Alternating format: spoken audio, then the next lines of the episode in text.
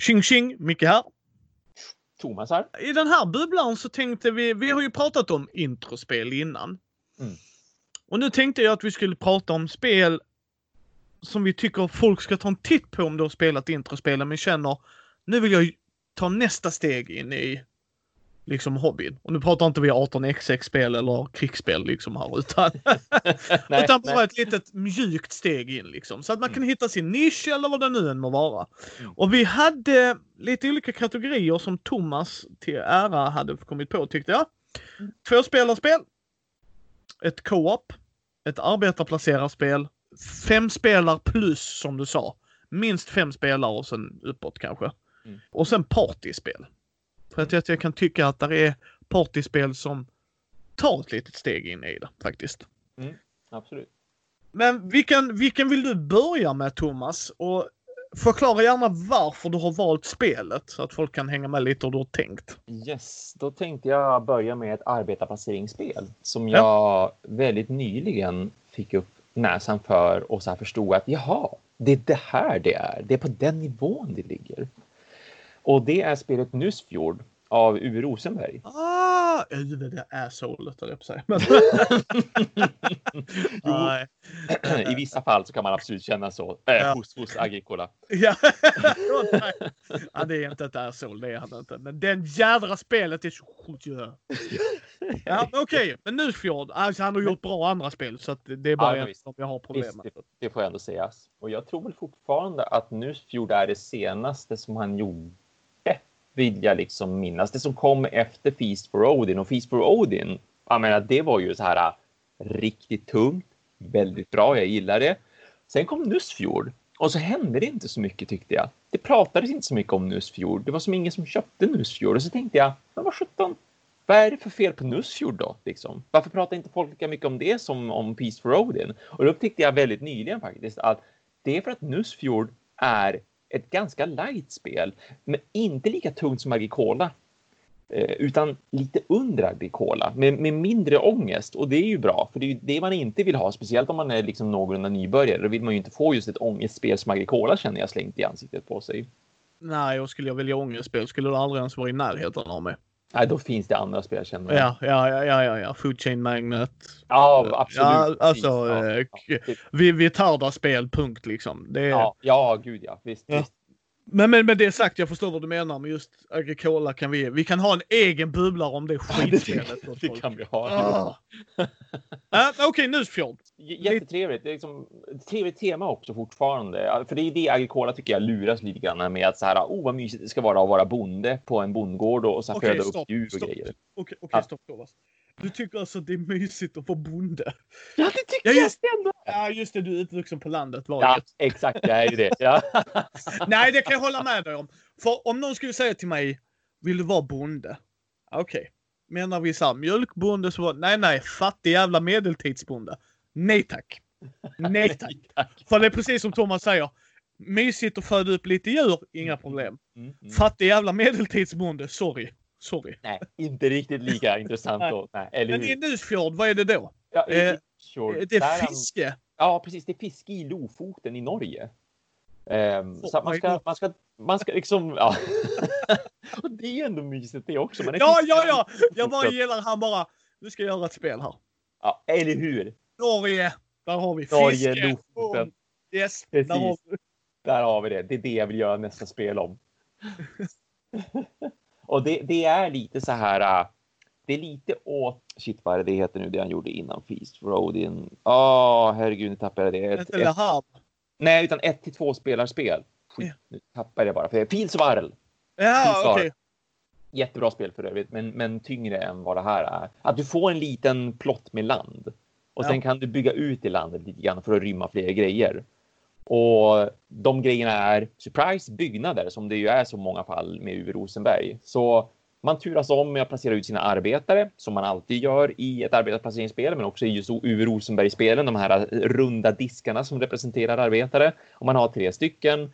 Man försöker att få sitt fiske att bli så egentligen lukrativt som möjligt så att man får in mer fisk så att man kan få mer poäng, pengar så man kan få mer poäng i slutändan. Och jag, nu när jag väl tittade på det så här, men var, var, var placerar sig det här spelet som sagt, så ligger det som ett litet mellanspel. Man ska inte spela det som en total nybörjare, det tror jag inte. Men har man spelat till exempel då hmm, Stone Age tror jag nog. Mm. För Stone Age är ju ganska light ändå. Det är ett trevligt, ja, ja, ja. Det är ju det, det, det, det är väldigt trevligt. Det spelar ju vi tillsammans. När, ja, när det, är ett väldigt bra första steg in. Ja, ja. Det kan hålla med. Tärningen har också den slumpen som finns där. Men ja. här har man inte den slumpen, utan det är fortfarande liksom den typen av arbetsplaceringsspel som man är mer van vid att så här, jag gör den här grejen. Nu fick jag göra den grejen, inte jag slår en tärning och hoppas på att få göra några grejer och så får vi se vad det blir för någonting. Utan placera ut arbetare, först en till kvarn får mala liksom. Har du tagit en plats så är den tagen. Och, och, då får du vänta till nästa spelrunda om du vill försöka ta den igen för att någon är i vägen eller vad det nu är för någonting. Och så här, hyra, du kan hyra folk, eh, elders som de kallar för, så här, gam, gammalt folk som har lite kunskap. Du kan hyra dem för att få deras egenskaper och deras förmåner. Du kan bygga byggnader som sagt. Du försöker fiska upp en massa fisk för att det är ju en väldigt drivande resurs i spelet. Och det finns bara tre resurser. Det är trä, det är fisk, det är pengar. Mm. Och så gäller det som i alla spel, liksom, att under ett visst antal spelrundor helt enkelt försöka att eh, i alla spel, men som i många just arbetarplaceringsspel. Du har de här spelrundorna på dig, försök att få så många poäng som möjligt på det viset. Hitta någon slags liten motor där den här byggnaden och den byggnaden tillsammans med den här eh, äldre personen liksom gör att du får den här kombon som gör att du kan få de här poängen eller får hinna köpa den här byggnaden innan den personen gör det så att du kan få mer poäng. Ja, ja men det är härligt. Det har jag faktiskt inte spelat. Mm, mm. Det, det, är absolut värt att titta på om man som sagt inte förväntar sig. För det, det, är förmodligen absolut därför som man inte kanske hör så mycket om Nusfjord. För att det kom efter Feast for Odin och Feast for ja. Odin är rätt tungt. Och folk generellt förknippar, skulle jag ändå säga, Uwe Rosenberg ja, ja, med att göra ganska tunga spel ändå. Och så du kommer ju... Nusfjord. Ja, precis. Du tänker inte på patchwork. Nej, nej, men precis. Det gör man ju verkligen inte. Utan ja. det är ju liksom, det är ju Agricola till exempel som ändå är ja. rätt tungt. Det är Feast for Odin som är rätt tungt. Det är Fields of Iron som också är rätt tungt och har jättemycket grejer man kan göra och jättebra spel som sagt. Men så kommer Nusfjord från ingenstans och så är det ganska light ändå. Så att han har tagit liksom några steg tillbaka och till och med passerat liksom sitt vanliga Agricola. Så det är nästan lite mer Agricola Family Edition över det. Ja, nej men det är ju härligt ju. Det är ju jätte, jätte, jättehärligt. Min arbetarspelare placerad spel är Underwater City. Oh. För jag tror temat, alltså det är ju ett kortdrivet worker placement kan man väl säga. Liksom. Alltså att mm. Mm. matchar du kortet med platsen du går till mm. så, så får du göra bägge effekterna. Och att du har ditt bräde där du lägger kupolerna och får göra lite grejer. Jag tror det är tillräckligt mellan, skulle jag säga. Och här är problemet för jag är ju tung Eurogamer. Så för mig är det ju ett mellanspel. Mm. Men jag tror temat skulle locka in många, att du har tre olika resurser och att det är kortdrivet och att man lär sig korten efter ett tag och man kommer in i det. Det var en mycket mm. trevlig spelupplevelse liksom, Underwater mm. City. Så jag skulle säga att det ligger så nästa steg in. Mm. Så det skulle jag tipsa folk att ta en titt på. Eh, som vanligt kommer vi ha länkar till alla spel vi har pratat om från BGG.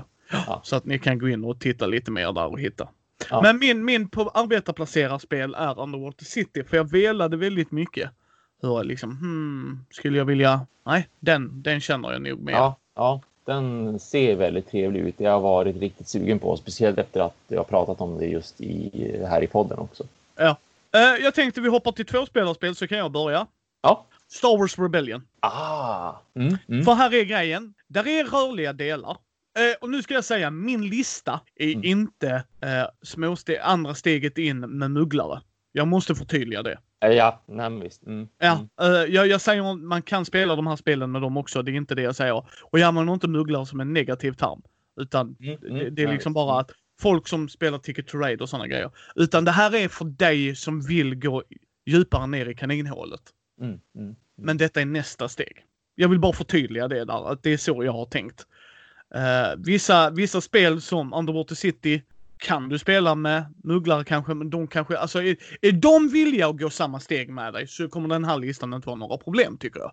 Ja. Men, men, är ni på olika nivåer, mm, utan nu pratar jag om nästa serie. Och Star Wars Rebellion, det ser mycket ut, det mm. ser pluttrigt ut, men mm. tro mig, när man väl kommer in i det och det gör man efter ett parti eller två, mm. så har du Star Wars in a box.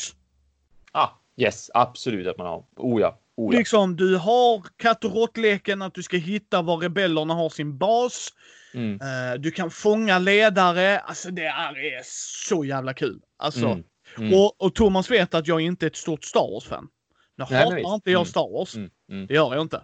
Utan det, jag, Batman är min grej liksom. Men, men jag tycker det här är, och det är med på min, jag vill säga, det kom typ 12 eller 11 plats på min topp 100. Mm. Att det var där precis, för Ja, att det var precis. innan du dök Ja. upp. Ja. Eh, för du och Brisse hade det på er topp 10. Men Mm. jag tycker det är ett väldigt bra tvåspelarspel. För att man ska, för jag vill inte säga Hive, jag vill inte säga Patchwork. För Mm. för mig är det intro. Mm. Bra introspel, nonetheless. Mm. Det är ett bra Absolut. introspel, Oh, ja. men det är inte Oh, ja. ett steg upp. Nej. Nej. Hänger du med lite hur jag tänker där? Mm. Mm. Så för mig är det Star Wars Rebellion. Mm. Så det är lite så jag tänkte där. Och din tvåspelare, Thomas? Där tänker jag säga eh, Seven Wonders Duel. Ja. Det är ju, det är ändå ganska lätt. Jag, jag tror att man skulle potentiellt kunna slänga det här på två mugglare, men jag tror också att de skulle ändå tycka att det är lite mycket att hålla reda på och vad man ska göra och hur man ska tänka. Alltså, jag tycker absolut att det är lättare att introducera två spelare för till exempel då, ja, men som du sa, Patchwork eller Lost Cities. Så här. Det är ganska Ja. straightforward vad man gör. Det är väldigt få komponenter och man gör bara en sak liksom. Men Seven Wonders Duel, dels att man kan vinna på tre olika sätt. Vad ska du ha för strategi? Och sen gäller det att kunna byta strategi mitt under spelet. För att det är inte säkert att du kan vinna på den strategin när din motspelare försöker kontra dig och du ska försöka kontra din motspelare. Och så han också att man måste ändå tänka ganska mycket på att men om jag gör det här, vad innebär det för min motspelare? Om jag tar det här kortet, kortet före det här kortet som jag vill ha till min civilisation, vad innebär det att jag låser upp för min motspelare i sådana fall? Så det är väldigt mycket ändå att tänka på både vad din motspelare gör och vad som är bäst för dig. Och speciellt med de här underverken som man ändå har tre stycken av här kontra att man bara har ett underverk att tänka på när man spelar vanliga Seven Wonders från tre spelare framför allt. För det, för det är viktigt att man komboar det och att man försöker få liksom ens underverk att verkligen bli färdiga och bli färdiga på ett bra ställe så att aha, nu fick jag en extra speltur för att jag blev färdig med det här underverket. Då kan jag dessutom ta det här kortet som du garanterat hade velat ha eller att jag får flippa det här kortet och då kan jag ta det vilken tur att jag kunde ta det för att när jag flippade det här kortet då först fick jag se vad det var för någonting. Det kortet skulle du verkligen, verkligen vilja ha. Vad bra att jag kan stjäla det nu i sådana fall. Det, det finns ju väldigt mycket i den här förpackningen, speciellt om man köper till då den här expansionen också. Ja, jag skulle nästan säga att man skulle göra det om man får tag på den. det, faktiskt. det, spe, speciellt när man ändå är så här, jag vill gå steget. upp. Ja, precis. Vad ska jag köpa för För- någonting? för- redo. Ja, för, för Seven Wonders för er som har spelat det, då är det ju drafting. Nu har de ju kortat ner det så att du draftar ju, men du har lite öppna så att det blir lite som, eh, du låser upp korten för att de är dolda, vissa av dem och det. Och, och ibland fastnar du i att vad, vilket val jag än gör så kommer den andra få ett bättre val. Medan nu med Pantheon-gudarna och det så blev det med expansionen då så Nej men jag kan stala en runda faktiskt. Jag tar Mm. den grejen där, den är faktiskt bra för mig. Så Ja. nu tvingar jag min motspelare att göra ett drag. Ja, ja. Det, det håller jag med dig om att det där är också ett sånt tug of war. Och med Mm, war mm. för den övringen också. Att du kan antingen vinna på science och då insta-vinner du. Eller krig eller så insta-vinner du. Eller poäng. Som Mm. Thomas säger, du måste anpassa dig. Mycket bra val Thomas. Jag håller med dig. Det är snäppet extra. Mitt är nog lite mer tyngre än Thomas. ja, det är det. Ja, men det tycker jag lite mer. Ja. Men, men jag gillar, varför jag rekommenderar fortfarande min är att du får en How to Play manual med dig till ditt Star Wars Rebellion. Och det Mm. gillar jag med det. Så att Mm. följer man den så går den igenom steg för steg. Mm. Um, men det är mycket bra val Thomas, mycket bra val. Eh, nästa kategori du vill ta? Eh, samarbete skulle jag vilja gå in på. Yes, kör! Mm. Vad är din samarbete? Jag tänker ju säga Mansions of Madness. Crossover. För, Yes. för även där, så här, när du tittar på ett parti of Madness, om du tittar på boxen till of Madness och framförallt om du håller i boxen till of Madness, då, då kan du förmodligen tänka Oh my god, det här kommer vi aldrig ta oss igenom. Second edition. Second edition, ja precis, bra att du påpekade det, för det, vi Yes. snackar absolut inte first edition nu. Då, då, då, då kan ni ställa tillbaka kartongen på hyllan igen. Och, och Thomas gillar den och jag hatar den. Så, Ja, att- precis. men precis, så det är second edition. Ja, ja. Second edition, så att man verkligen ska få den här full co-op experience-grejen liksom med appen och alltihopa. Eh, för, för det är ju det, det är ju det som är en så stor grej med att spela Mansion Madness co-op. Du har en app appen hjälper er. Appen lär er spelet. Det är mycket Yes. lättare att komma in i än vad ni tror, för ni behöver inte öppna regelboken för att verkligen läsa regler. Ni kan köra igång appen och appen lär er och sen refererar ni till reglerna när det behövs i sådana fall. Yes. Eh, Och det är väldigt straightforward liksom med vad man gör och hur man gör det. Och återigen mycket på grund av att appen säger att det här gör ni, det här händer. Oh ja, jag håller helt med. Eh, negativ grej som jag och Thomas har pratat om i podden. Du får läsa. Du får inte Ja. läsa en sju helvetes mycket. Det får Nej, du inte. nej, nej, men det som kan reta er är ju som det retar mig och Thomas. Mm. Vi har en jävligt bra en kille som läser introt, sen är han inte med mer. Så bara, så. Liksom. Men, men Ja. annars, jag, jag gillar det fortfarande. Fortfarande i min hylla. Eh, det är ju Call of Cthulhu-IPn i Lovecraft. Eh, Illustrationerna är fantastiska, brickorna är askul. Ja, Modulära banor, massa äventyr som ingår. visst. Och bra äventyr och väldigt Yes. varierande äventyr. Från det Yes. ena liksom, som kanske är ett morduppdrag rent av ni ska lösa till Ja. nästa som bara är lite mera så här eh, ganska skräck och och actionorienterat istället. Så att det kan vara väldigt annorlunda upplevelser och kan ju ta allt från en och en halv timme till fyra timmar att spela. Men man kan veta det någorlunda mycket i förväg därför att det står ju i scenariot att så här lång tid ska det ta att spela cirka. Och, och man kan pausa. Ja, jo men visst. Ja, mm, mm. Den sparar var ni var. Ni kan gå, nej men nu får vi plocka undan så får vi fortsätta imorgon. Mm. Det är en högre prislapp. ja Men Jo. det är värt det. Mm. Mm. Det är en fantastisk, fantastisk upplevelse. Yes, flera. just- Det är det verkligen. Det är ett otroligt häftigt äventyr. Väldigt Pla- spännande. Ja, plastfigurer, asymmetri, Mm. eh, vackra kort, duttar, spelplan och sen Mm, mm, appen då. mm. Ja. Jättehögt produktionsvärde. Och en del expansioner om man vill vidare efter Ja. det. Precis. Ja, visst. Nej, jag håller med dig.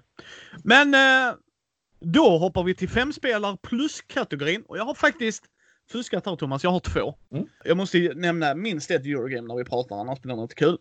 Uh, Eh, förresten, ditt samarbetstips? det var också Mansion of Madness. Ja, det var... Ja, men misstänkt att det Yes, kanske var. yes, Mm. yes. Ja, men visst. Yes. För just som nästa steg ja. Så att eh, mitt femspelarspel, Mm. ett av dem, är Concordia. För det går upp till fem spelare. Ja. Det är ett eh, Eurogame som inte ser mycket ut på lådan. Alltså det ser inte inbjudande ut, men det är ett kortdrivet Area Control Eurogame. eh, Där du inte blockar ut någon om jag minns rätt, utan du bara gör det mycket dyrare för dem att hoppa in. Och sen blir det ju då, spelar man på fem så kommer det bli utblockade, för jag tror det är max tre på en plats. Mm. Men det är just att korten, inte nog med att de ger dig en handling, och du drar inte dem. Alltså du blandar inte in det i en lek utan du har dem på handen. Ja. Och när du spelar ner det så måste du spela ett kort som gör att du plockar upp alla kort på handen. Och där är det liksom den synergin och det går upp till fem spelare och ja, jag gillar det. Och Ja. inte nog med då korten gör en handling, du scorar med dem i slutet. Så det är också en viktig grej när man tittar så här bara, ja, den handlingen vill jag ha. Och den är ju stark. Men det är Mm. också jädrigt sweet VP med denna va. Ja, visst. Och så ska visst. man då samla roligas resurser och sånt. Tema Kemema folk, ni känner mig vid det här laget. Det är, äh, äh, bytes i Medelhavet säger du. I antika Grekland. Ja, vad jag ja. inte bryr mig. Let's go! Äh, men den gillar jag. Och sen vill jag säga en till här snabbt. Ja. Har du åtta vänner? Captain Sonar. Ja, gud ja, eller hur, verkligen. Sänka skepp fast kul. Ja, ja. Captain. Sonar, då, är man fyra i varje lag. Man ska ha en kartograf som ska sk- rita på kartan och kolla var man är. Man har en som har hand om utrustningen och man har en som Fire the torpedoes! Och sen har man kaptenen då som försöker leta. Nej, det är bara fantastiskt jävla kul. ja Alltså det ja, är verkligen, verkligen roligt spel. Ja, Eh, Men där ska man vara åtta. Så har man specifikt åtta polare som träffas då och då med intervaller. Captain Sonar skulle jag säga. Mm. Annars Concordia på min fem. Din då Thomas? Fem spelare eller mer? Eh, där skulle jag säga Power Grid som man kan vara upp till sex spelare på. Det, Mm. det här det är ett spel som jag väldigt ofta tipsar folk om när de, när de har just spelat då de första spelen så att säga. När de har varit och nosat på Carcassonne och Settlers och Ticket to Ride och de tycker att ja, men nu vill vi ändå ha lite mer strategi, lite mera valmöjligheter.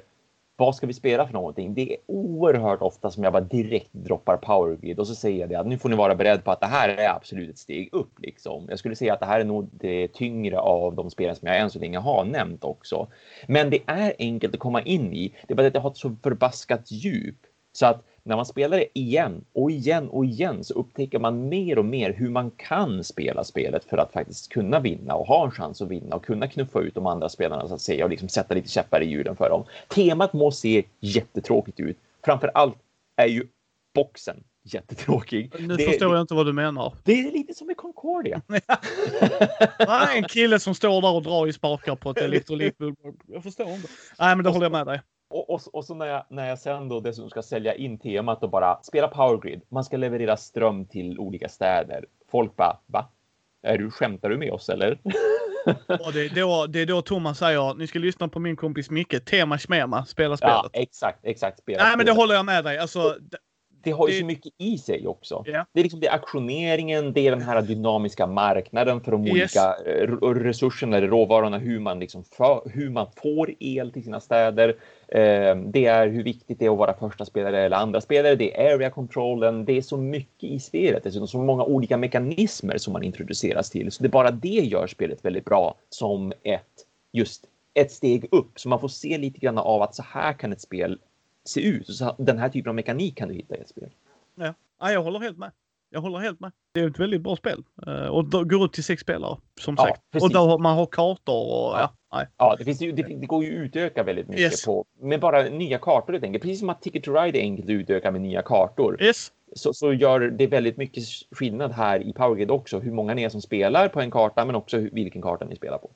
Ja, nej, jag håller med. Eh, sista kategorin är ju partyspel. Vad har du skrivit där Thomas? Alltså där håller jag ju på och försöker komma på något bra partyspel. Men eh, vad sjutton var det för tanke som jag hade idag rent utav på jobbet som jag sa till folk att det är ett partyspel och så gjorde jag så här inom citationstecken. För det tyckte jag faktiskt passade rätt bra. Eh, jag skjuter över till dig tillfälligt så att jag får tänka på det här för att nu fick jag hjärnsläpp bara för det. För att jag hade tänkt att jag skulle ta upp det spelet men nu kommer jag inte ihåg vad jag sa till den personen. Jag har två. Mm. Jag har Just One. Absolut. Mm. Uh, det är nog lite introvarning på det. Ja, uh, jo, absolut. Mm. Uh, så att därför landar jag kanske i Decrypto. Ja, jättebra. Jättebra. Ja. För jag tror det, om ni har spelat Just One och Codenames, mm. uppskattar mm. de spelen. Mm. Men vi känner att ni vill ha lite mer umf för pengarna. Mm. Mm. Så Decrypto. För det är att man är i lag, alla ser korten framför sig. Man har den speciallinsen, skärmen, mm. mellan sig. Och motståndaren samma grej. Man ska se ledtråden öppet och de ska gissa siffrorna för att man har fyra ord med fyra, ett till fyra.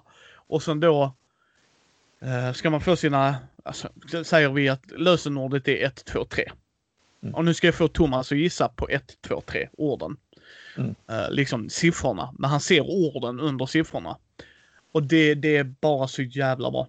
Alltså det, det, man får tänka, man får hålla på liksom. Mm. Nej, mm. Eh, det, det, det är lite mer att bita i. Men eh, Decrypto, det är mitt, mitt tips. Ja, håller, håller absolut med. Det är riktigt bra spel. Det är, det är klurigt verkligen och det är roligt. Alla kan spela det. Verkligen. Det spelar ingen roll om du är helt ny eller om du då har spelat lite grann. Det kommer att vara, det kommer att vara riktigt roligt verkligen det kommer det. Nej, men precis, precis. Uh, ja, vad har du kommit på någon, Thomas? Eh, jag tror nog ändå att jag får säga istället för det som jag nu inte kommer på att det jag inte kom på som jag faktiskt tänkte på när jag var på jobbet, men jag kan ta ett annat istället som jag också ändå klassar lite grann som ett partyspel, men som också är ganska enkelt att komma in i. Kanske inte det absolut, absolut första man kan spela, men vi har sagt att det ändå är ett bra introspel och det är Betrayal at House on the Hill. För det tycker jag har, det har ju, alltså nu är inte det party partyspel så som till exempel Just One är till exempel, därför att det, det beror väldigt mycket på vad man klassar som partyspel. Codename skulle jag också kunna tycka är ett, ett partyspel till exempel, men ändå. Uh, Betrayal är ju så pass obalanserat å andra sidan också i sina scenarion tycker jag och det är så mycket slump i tärningar och vad man får, vad man hittar för någonting och vad man slår för någonting. Så jag spelar ju mer som ett partyspel än vad jag spelar som ett brädspel, för det gäller att man har en spelgrupp som helt enkelt vill ha roligt. Och det går ju väldigt snabbt att spela det här. Visst, det, det ser ut som ett. Eh, det ser ut som ett Mansion Manus Light. Det gör ju det. Eh, och det är ju ett Mansion Manus Light på många sätt också tycker jag, för du har den här storyn och man ska ju utforska en herrgård och det är ju kooperativt till en viss del, men det är ju semi-kooperativt för någon kommer ju bli den här förrädaren och bli galen. Och sen så är det ju då alla de som inte är galna mot den som är galen helt enkelt. Och även där som sagt, jag tycker att scenarierna oftast kan vara ganska obalanserade så att det är till den ena spelarens fördel. Men det är inte därför jag spelar Betrayal of the House det hela, utan jag spelar det för att man ska få ha väldigt roligt och det tycker jag att man verkligen får med spelet. Det är mycket skratt för vad som händer de olika spelarna och det är mycket skratt när det väl triggas då det här. Vem blir förrädaren? Vem och vad blir det för scenario? Vem är den här spelaren eh, nu? Liksom, vad, mm. vad, är, vad är premissen för vad vi ska göra för att vinna spelet kontra vad den här spelaren ska göra för att vinna spelet? Och det blir mycket mer av en partykänsla tycker jag ändå kontra om jag spelar Manchester Madness. För där är ju väldigt tryckande stämning. Det är ju väldigt atmosfäriskt. Det är väldigt spännande. Här är det som att mycket mera dra ett kort, läs ett kort, det händer någonting, man skrattar lite granna Eh, och sedan så drabbas då någon av att bli en förrädare och så sedan försöker man bara ha ihjäl varandra. Ja, ja, men det är lite våra tips härifrån i alla fall. Mm. Eh, liksom på nästa steg. Ja, jag har inte så mycket mer att tillägga. Det här är lite tips från oss till er. Mm. Som vill kanske ta nästa steg mer in i hobbyn. Mm. Mm. Här är en myriad av spel som man ska kunna spela och hålla på med. Så svårare så är det ju inte också. Men eh, vi hoppas ni eh, följer med oss på den här långa resan i våra hobbyn. Jag och Thomas har hållit på ett tag. Ja, visst. Vi har ju det. och vi tänker inte sluta än så länge, kan jag säga. Nej, nej visst. visst. Så tack så hemskt mycket för att ni har lyssnat denna gången. Ni hittar ju eh, Thomas på sin YouTube-kanal, Conor Dager recenserar. Eh, även hans grymma grupp, Conor Dager recenserar-gruppen. Sen uh, finns vi på Mindys bräd och rollspelspodd på YouTube, Facebook, Instagram, Twitter. Uh, där ni kan bara skicka, följa oss, titta, mm. höra av er. Uh, gärna ge oss gärna ett betyg på liksom Facebook och iTunes. Det hade hjälpt oss. Mm. Mm. Och sen eh, om ni känner att ni vill stötta oss, gå in och titta på vår Patreon. Så hörs vi nästa gång. Jajamän.